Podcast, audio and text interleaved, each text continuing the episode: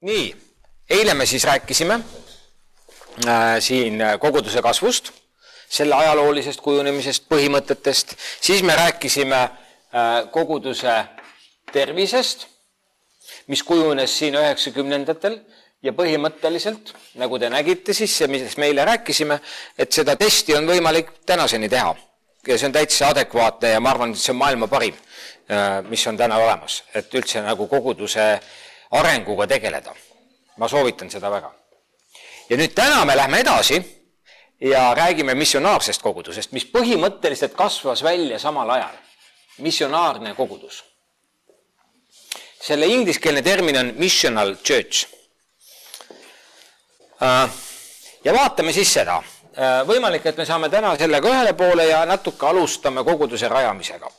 vaatame, sest maikuus on meil ainult üks kohtumine veel aeg lendab kiiresti. nii et missionaarne kogudus. ja see missionaarne kogudus siis kasvab välja koguduse kasvu ja koguduse tervise sellest kontseptsioonist. nii, aga vaatame siis, mis seda iseloomustab. tekkiski sellisest kriitikast koguduse kasvu liikumisele samamoodi, et, et siin ikkagi olid ka mitmed asjad, mis siis öeldi ja, ja, ja ette heideti nii koguduse kasvu kui ka koguduse tervise osas ja vaatame siis neid. nüüd oma olemuselt kõik need kontseptsioonid taotlevad koguduse kasvu. see on hästi oluline aru saada. koguduse kasvu liikumine taotleb kasvu eesmärgina, eesmärk nüüd koguduse tervis taotleb kasvu tulemusena või tagajärjena.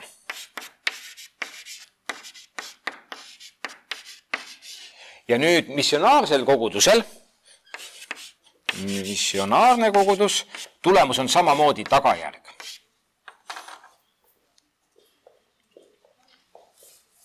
aga oma olemuselt ta ikkagi taotleb kasvu.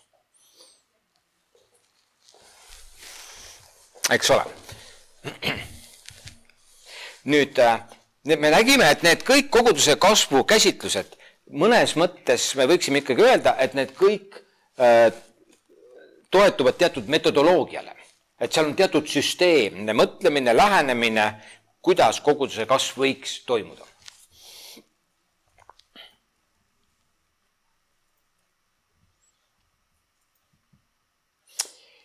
Ja nüüd see põhiline kriitika, mida see missionaarne kogudus eelmistele siis käsitlustele teeb, on see, et äh, missionaarne kogudus ütleb, et need teised käsitlused ei ole piisavalt teoloogiale rajatud.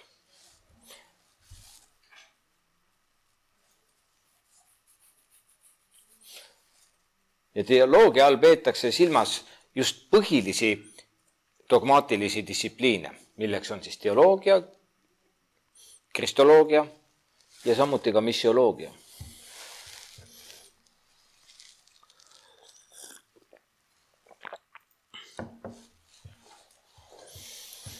ja niimoodi, kui te juba seda vaatate, kuulate, siis äh, te võite natuke aimata, et nüüd see missionaarne kogudus peamiselt just keskendub sellele, sest ta teeb kriitikat teiste suhtes ja ütleb, et see puudub see tähendab, et nüüd see hakkab keskenduma rohkem sellele.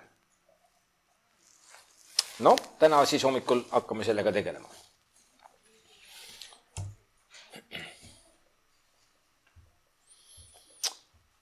nii, nüüd tuleb kogu slaid ühe korraga ette, mis võib-olla natuke võib alguses segada meid, ma ei tea, kas me saaks selle panna nii, et ta tuleb ka ükshaaval.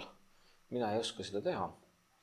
Lähme siis siit praegu teele nüüd natukene ma lähen kaugemale veel teiega ennem, kui me nii-öelda oleme siin. me läheme natukene tagasi juba siia teise maailmasõja järgsesse aega, sest et juba sealt hakkas see kogu missionaalne mõte ja missiooni mõte läänemaailmas nagu toimuma. sest et kuni kahekümnenda sajandi alguseni missioon oli peamiselt kolmandate maailma riikide missioon. Aafrikas, Aasias ja kuskil mujal, mitte Euroopas ja siis hakati rääkima missiooni vajadusest Euroopas. kirikud jõudsid teatud sellisesse kriisi. ja sellised, senised mitmed missiooni käsitlused enam ei toiminud, oli vaja leida uusi.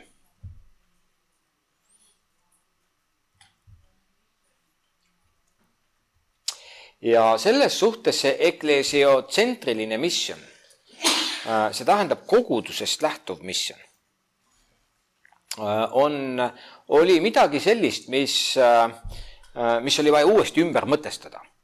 kuidas me teeme missionit lähtuvalt kogudusest. samuti olid piirid ebaselged meie kuulutusmisjoni ja sotsiaalse misjoni vahel.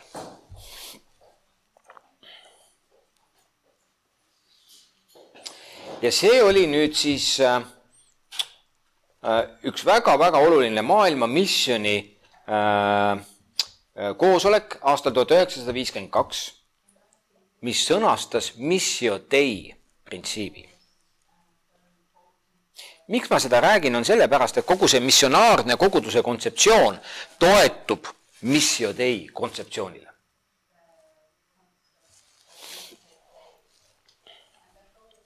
Ja nüüd see, mis ma olen siia kirja pannud, kuna meil on ka siin tõlkega inimesed, siis ma ikkagi natukene loen seda.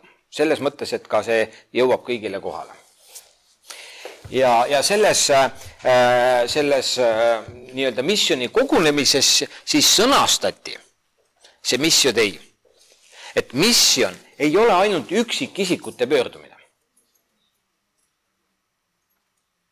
tuletame meelde, et reformatsioon kuueteistkümnendal sajandil rõhutas just üksikisiku nagu seda usku ja sellest sai alguse just nimelt see arusaamine, et, et hästi oluline on iga inimese isiklik usk.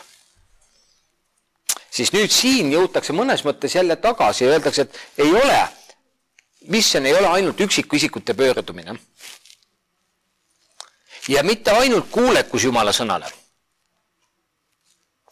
see tähendab, mida meie justkui teeme, vaid misjon on osalemine poja läkitamises, no see on nüüd võib-olla keeruline sõna, aga see läheb nüüd teoloogiliseks, te juba saate aru.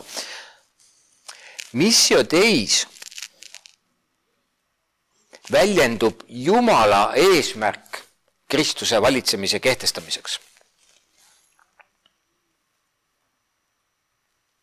ja hästi oluline. misjon ei ole enam inimlike aktiviteetide või ainult inimlike aktiviteetide või organisatsioonide asi. selle allikaks on Jumal ise.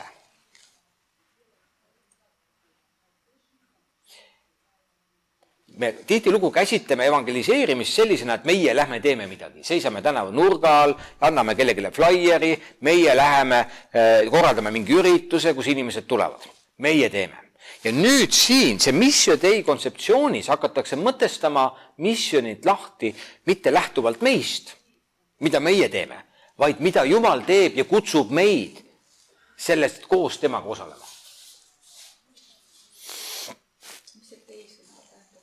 missio dei, see on siis Jumala missioon. Dei on Jumal ladina keeles ja missio on siis ülesanne, nii et see on Jumala ülesanne, mis ta on iseendale võtnud, armastada seda maailma. Ja selles Jumala kõikehõlmavas missioonis ta haarab meid kaasa sellesse, et me oleme osalised tema missioonis mitte ei aja siin mingit oma asja.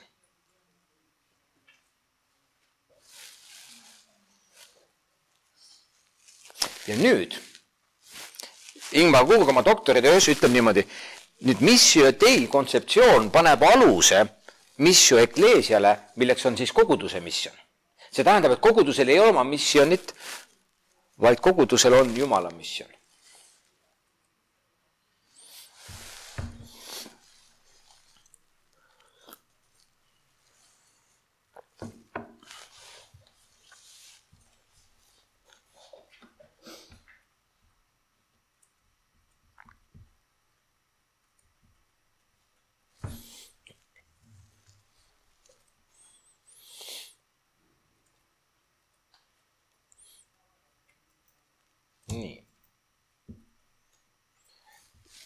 See on üks ülioluline lause, mida see Rowan Williams on öelnud, seda on ka teised inimesed väljendanud, aga, aga see aitab meil kogu sellest kontseptsioonist aru saada. ja see lause on siin esimene lõik. jumala kogudusel ei ole selles maailmas missiooni, missiooniga Jumalal on maailmas kogudus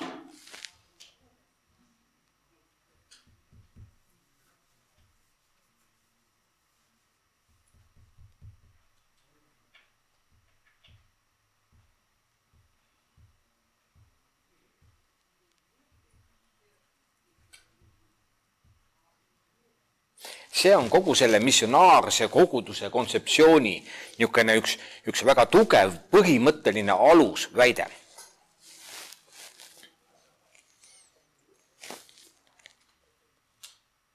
see tagab ka selle, et igalühel ei oma, ei ole oma erinevat missiooni. noh, ja võivad ju, kui nad igaüks ise mõtleks välja, siis nad mõtleks ka erinevalt välja ja mõnes mõttes, kui te mäletate eelmi-, eilset loengut, siis seal oli kontekst oluline, eks ole, et me oleme selle kogukonna natuke nägu, eks ole. aga ütleme selles plaanis, selle mõte siin on, et mitte me ei aja siin justkui mingit oma asja, me ei pea avastama oma missiooni, me pigem peame avastama Jumala missiooni, mis temal on selles paigas.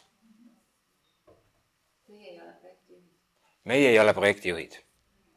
meie ei ole projekti tellijad ma, ma tahtsin seda kuulda, ma mõtlesin, et, et kui sa seda ütled või keegi seda ütleb, siis, siis meil hakkab see asi nagu jõudma kohale, et just nimelt see on vabastav. sest missioon on koguduse jaoks tänapäeval punnitus. kui me üldiselt vaatame koguduste igapäevaelu, siis missioon on nagu vaev. me ei tea, mida teha, me ei, me täpselt ei tea, mis toimib, kuidas teha ja see on niisugune pingutus meile. aga tegelikult Jumalal on missioon ja ta haarab meid kaasa. see nagu lõdvestab meid heas mõttes.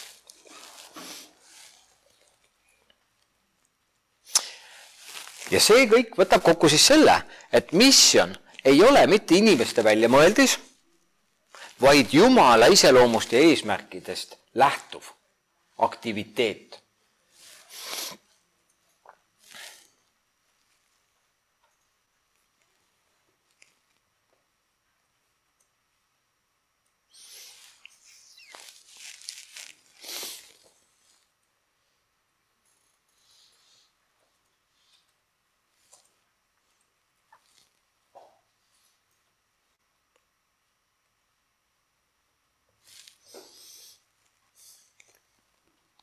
nii.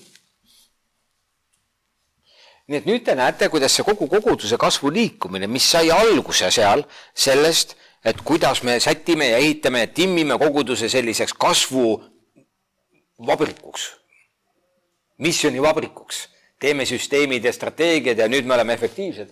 nüüd me jõuame tagasi selles arengus missionaarses koguduses uuesti Jumalani. tegelikult kõik lähtub Jumalast.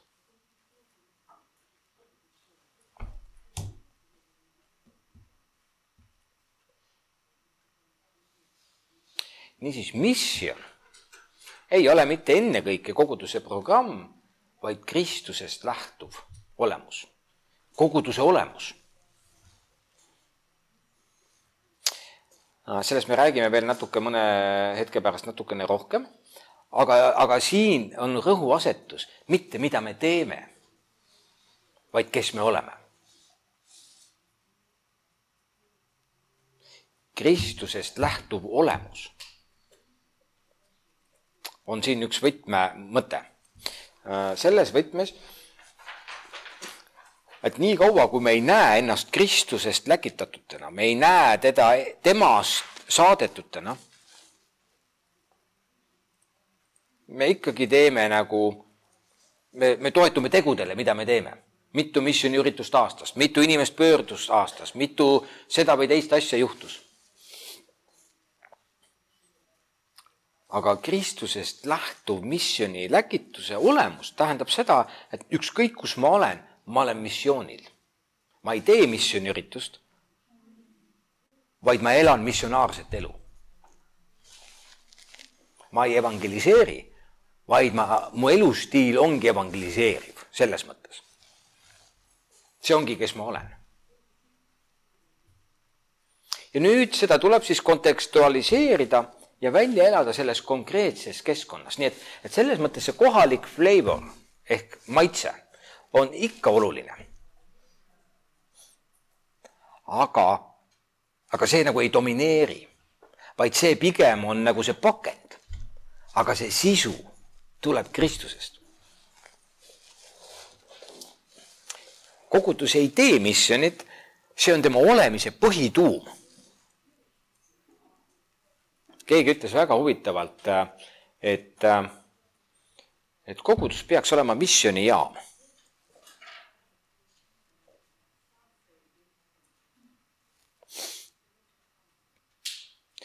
ja selle käsitluse kohaselt, kui kogudus lõpetab oma missiooni olemuse, väljaelamise, siis ta tegelikult kaotab oma eksistentsi mõtte üldse.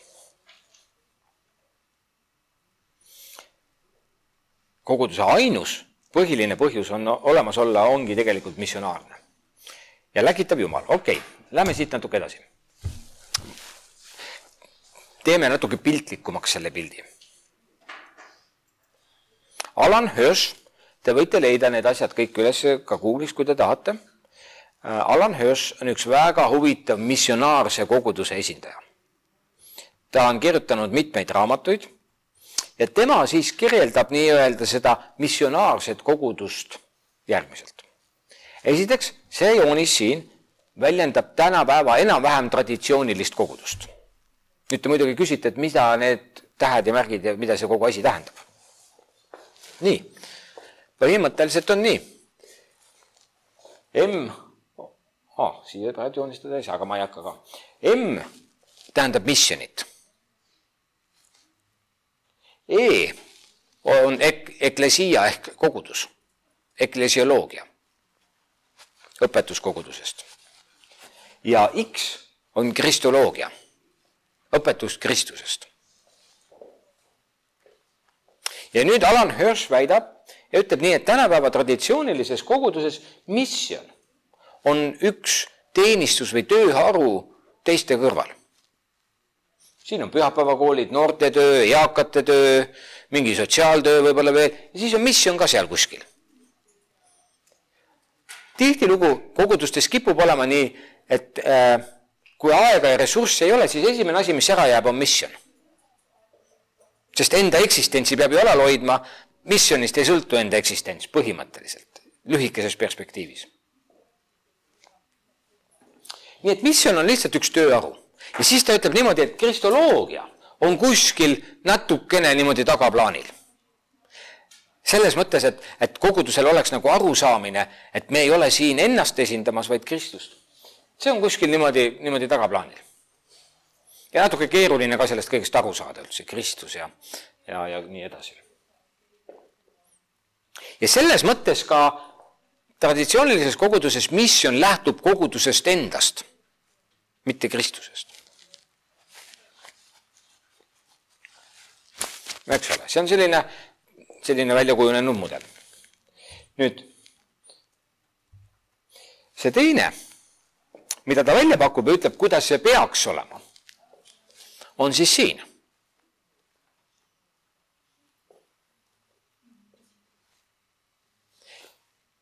Kristus, kellel on missioon. Temal on missioon, lõi koguduse selle missiooni täitmiseks, mis tähendab, et kogudus on Kristuse käes vahend, tööriist, mille kaudu ta töötab selles maailmas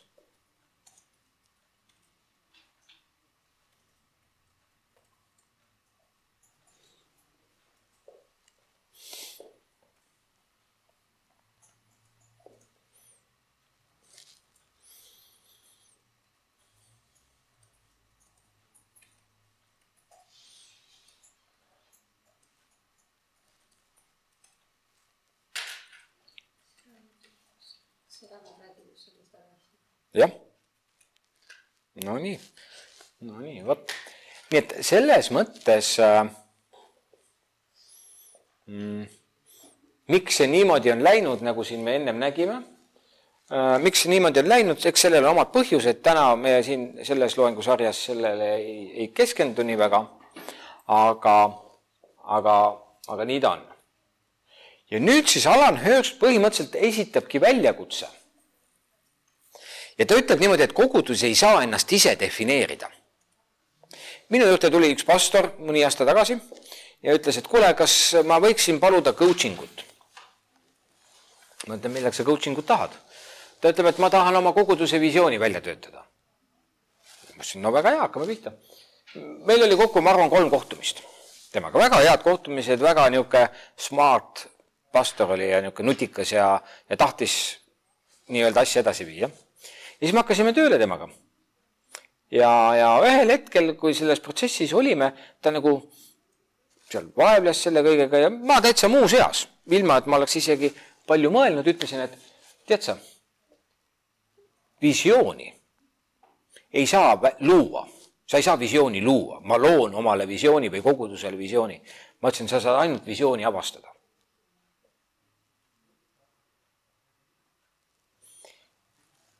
Tihtilugu koguduses ka, me nagu püüame luua midagi, me püüame nagu midagi nagu saavutada me saame ainult avastada, mis Jumal juba on meile andnud, me saame avastada, mis meil on, meie kutsumist, seda teed, mida me peame käima ja siis seda mööda minna.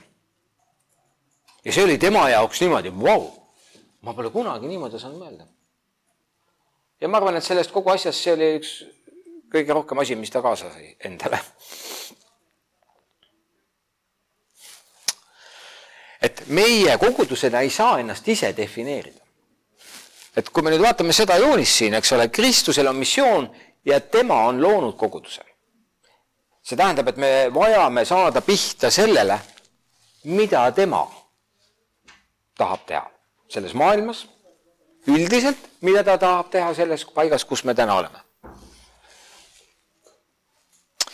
nii nagu inimene ei saa ennast ise defineerida, teda saab defineerida tema looja. me võime ennast defineerida aga see jääb poolikuks. meie saame defineerida asju, mida meie loome. me saame defineerida näiteks need prillid, sest need oleme meie loonud. me saame loo-, defineerida need radiaatorid seina peal, et mis asi see on ja milleks see on tehtud. aga me ise ei saa endale anda eesmärki, eesmärgi meile saab anda meie looja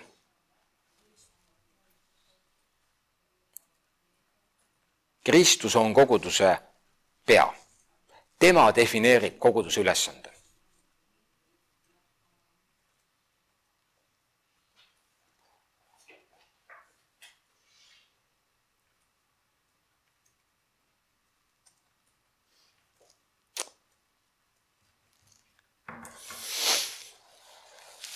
no vot. ja siin on seesama jutt, mis ma natuke olen juba rääkinud. Misjon peaks olema koguduse olemise tuum, see keskne asi, kõik, mis me teeme, on misjon. ja ma täiesti kujutan ette, et see alguses lööb meie peas nagu need seierid kõik sassi. et, et oota, kuidas see siis nüüd tegelikult praktiliselt hakkab toimuma? kuidas me siis oleme missioonil kõiges, mis me teeme? või kuidas me teeme asju lähtuvalt sellest missioonist, mis meile kui kogudus on antud no räägime sellest täna natuke rohkem, vaatame, kuhu me välja jõuame. nii, kas siinkohal on kellelgi kõige selle kohta mõni küsimus, kommentaar? võib-olla on kellelgi ka Zoomis, äh, kes meiega täna on, et äh, mm,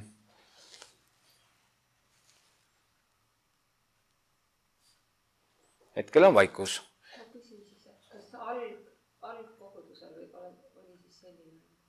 selline lähenemine ja käsitlus.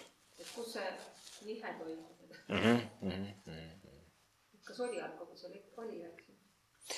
kui me ku-, vaatame näiteks Apostlite tegude raamatut, siis me näeme, et algkogudus oli väga Jeesuse keskne. ja loomulikult väga ka just nimelt selle ülestõusmise keskne, mida nad tunnistasid, et Kristus on üles tõusnud. Ja kuna nemad alles tulid nii lähedalt Jeesusest, eks ole, siis selles mõttes, mõnes mõttes nendel oli lihtsam. meil on see ajavahe läinud nii palju suuremaks, et natukene me oleme nagu kaotanud ära selle perspektiivi. ja vahepeal on nii palju juhtunud. nii et selles mõttes äh, mina ei ütleks, et see nagu halb on, aga ma ütleks, et see on loomulik protsess, et me kaotame perspektiivi ära. see juhtub meie kõigi elus aeg-ajalt. Ja sellepärast äh, mina arvan, et iga kristlane mingil hetkel oma elus, kui ta on aastakümneid kristlane, minu elus vähemalt on see nii olnud, et ma tean mingeid hetki, kus ma nagu olen uuesti pöördunud. noh, ma ei ole uuesti sündinud jälle, aga ma olen nagu uuesti nagu pöördunud Jeesuse poole. mingi uue pühendumusega, mingi uue armastusega, mingisuguse uue sellise sisemise tundega. ja ma olen seda vajanud. mingil hetkel natukene kas paak lekib, jookseb välja äh,, armastus võib jaheneda, mis iganes asjad, eks ole, ja siis, siis uuesti kuidagi sa nagu tuled tagasi et äh, ja ma arvan, et kogudusega on nagu sama asi. et me vajame aeg-ajalt nagu, nagu tulla tagasi. ja vaadata, et kas me nagu, nagu läheme õiget teed praegu, kas me nagu läheme selles õiges suunas.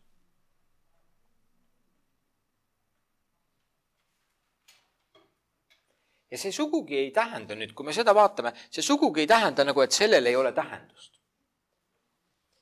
Äh, see tähendab ikkagi, et kogu sellel meie missioonil mis Kristus meile annab, on meie maitse ka juures, sest ta teeb seda läbi meie.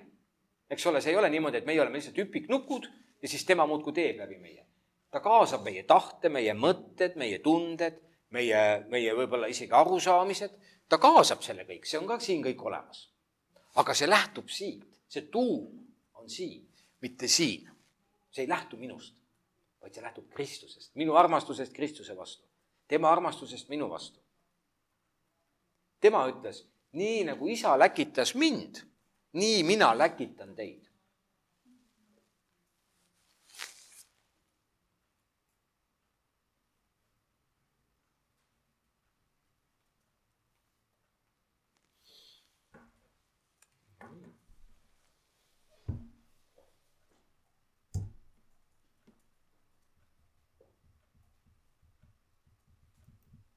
Nii ja nüüd selles missionaarses koguduse käsitluses käsitletakse inimesi nii subjekti kui objektina.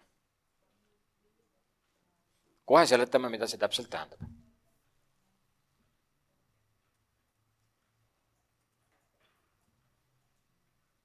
subjekt teostab, objekt võtab vastu, mis subjekt teeb.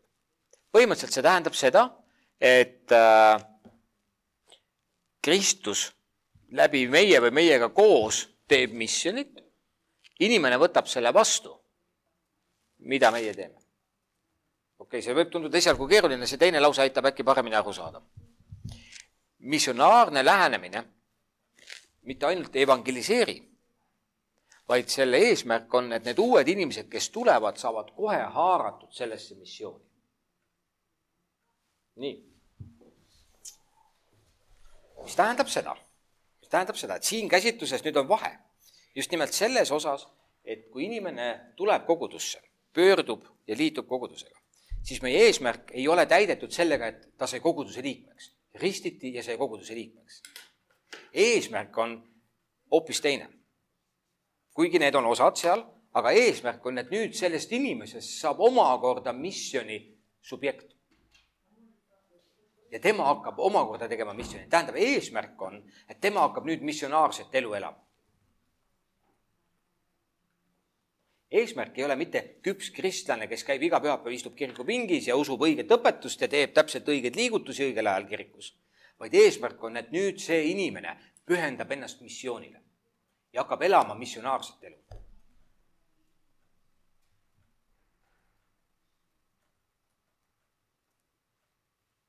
on see nagu arusaadav?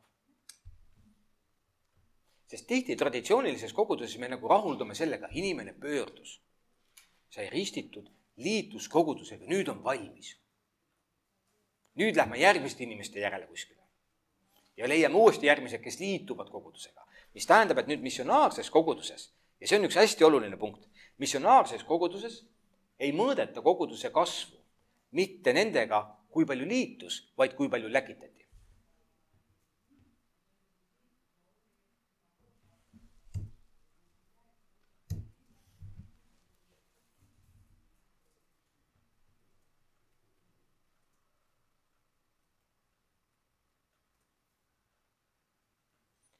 Ja siin see läkitus ei tähenda, et me läkitame kedagi Aafrikasse või Lõuna-Ameerikasse kuskile missionile.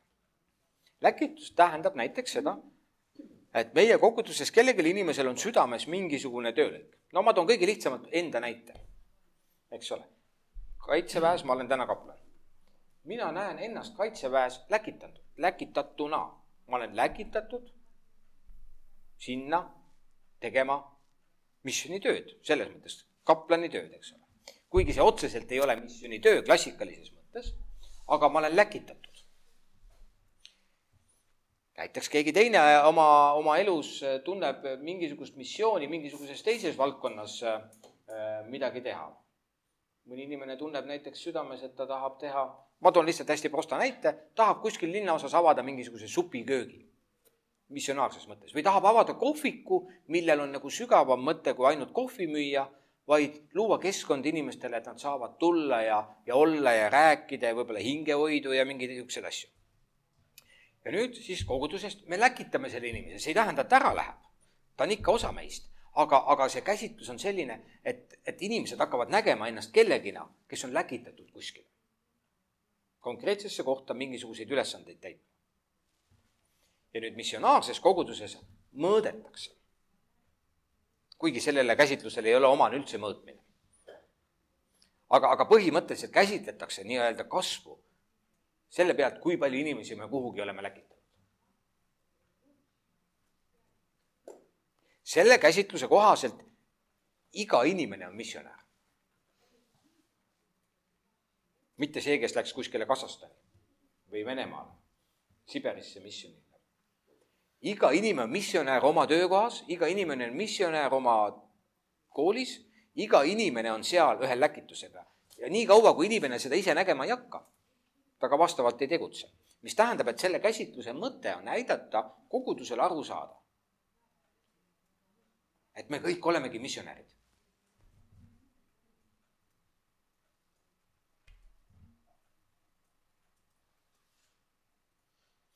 ja siin käsitluses ei rahulduta üldse sellega, et me kuskil kellelegi andsime traktaadi kätte või keegi palus meiega patusepalve ja nüüd me oleme jube õnnelikud, et inimene palus patusepalve. see ei ole eesmärk see on osa ainult. võib-olla esimene samm.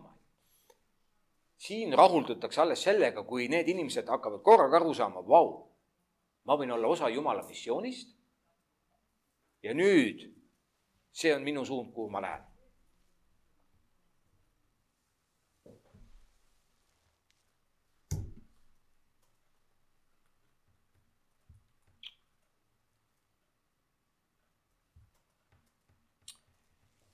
missioni ideoloogia tekkimine kui niisugune üldse. Inglise keeles on selline termin nagu missiology.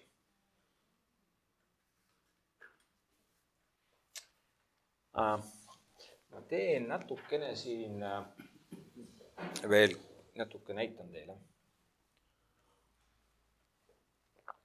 Te olete esimese kursuse tudengid nagu selles mõttes võimalik, et te juba teate seda kõik, aga ma siiski natukene tahan laiemat pilti anda, et me saame nagu aru, kuidas kuidas see asi nagu on. nii, üheksa nelikümmend viis, meil on kümne minuti pärast paus.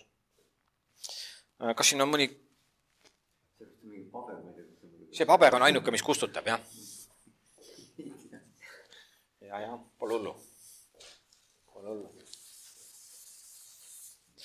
laias plaanis teoloogia, ma kirjutan praegu niimoodi, koosneb kahest niisugust suuremast valdkonnast. üks on süstemaatiline teoloogia ja teine on praktiline teoloogia eks ole, niisuguses suures pildis. on teile seda juba räägitud? ei ole? natuke mõni on kuulnud. no tore. Ja nüüd süstemaatilises teoloogias on välja kujunenud niisugused põhidistsipliinid. näiteks, no see on ka jälle teoloogia, aga see on siis äh, õpetus Jumalast. eks ole, õpetus Jumalast, õpetus Jumalast. teoloogia, teos kreeka keeles Jumal õpetus Jumalast, eks ole, õpetus Jumalast. siis on õpetus Kristusest, kristoloogia.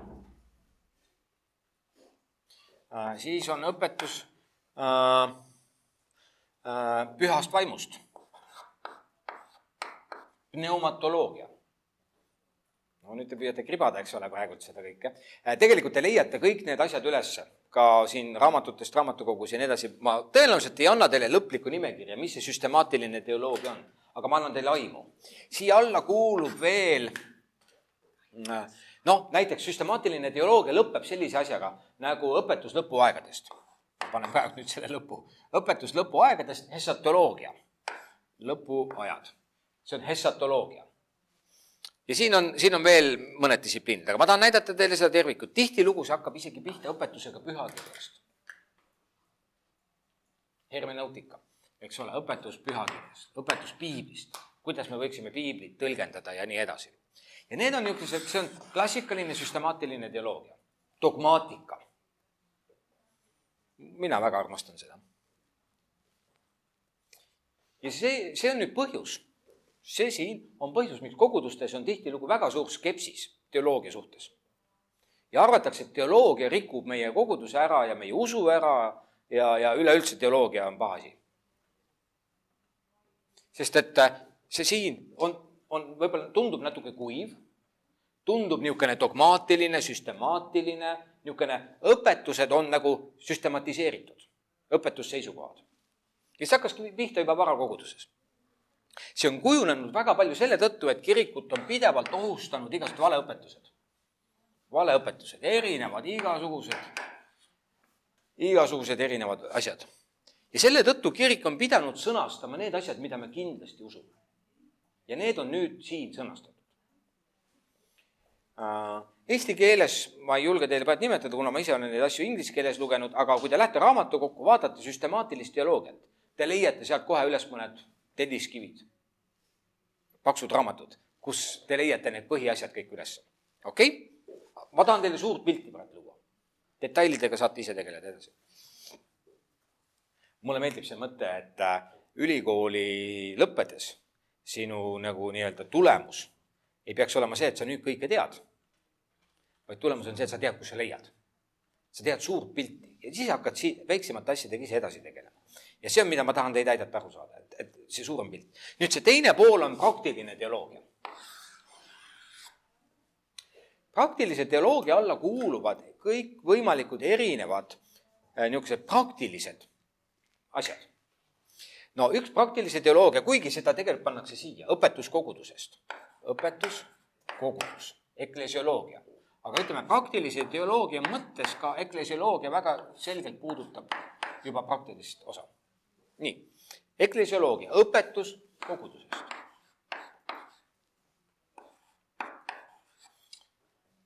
ja siin on ka siis õpetus missionist. miks ma nüüd seda räägin, nüüd ma jõuan punktini. õpetus missionist ja see missioloogia, selle asja nimi on siis seesama missioloogia, mis seal on.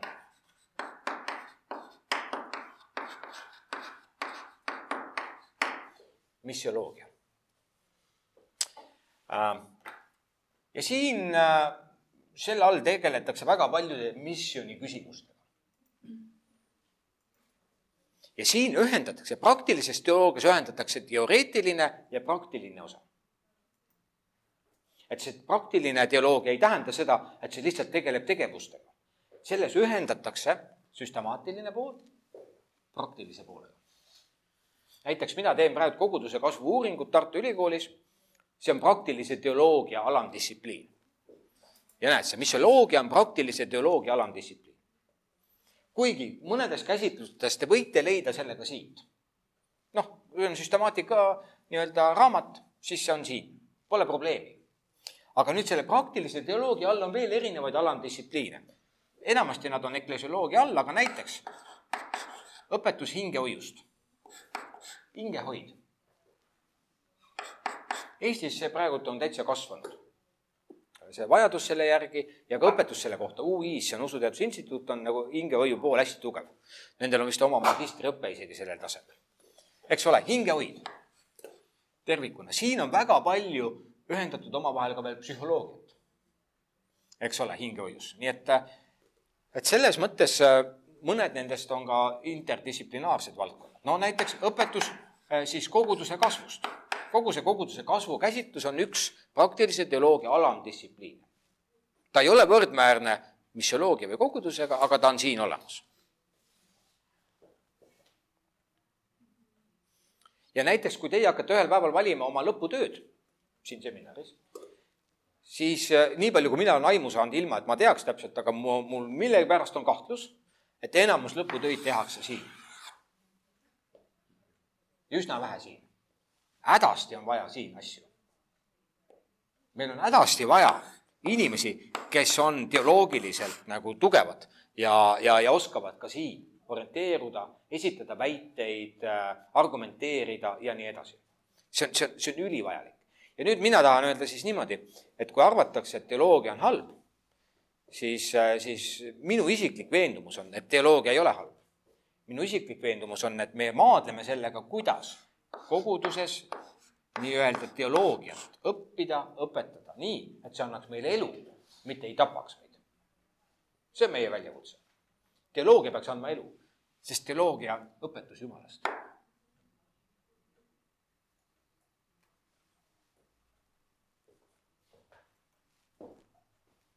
me kardame teoloogiat nagu ma ei tea, mis asja. minule annab see elu. Ja kuidas veel? eriti, kui ma hakkan aru saama Jumalast ja nagu see ilmutus kasvab temast. see on nii vägev, et ma ei tea, kust seda tunnet vahest sisse panna. me ei pea teoloogiat kartma. aga mida me peaksime kartma küll, me peaksime kartma õpetust Jumalast ilma tema tundmiseta ilma praktilise usueluta me peaks küll kartma, jah.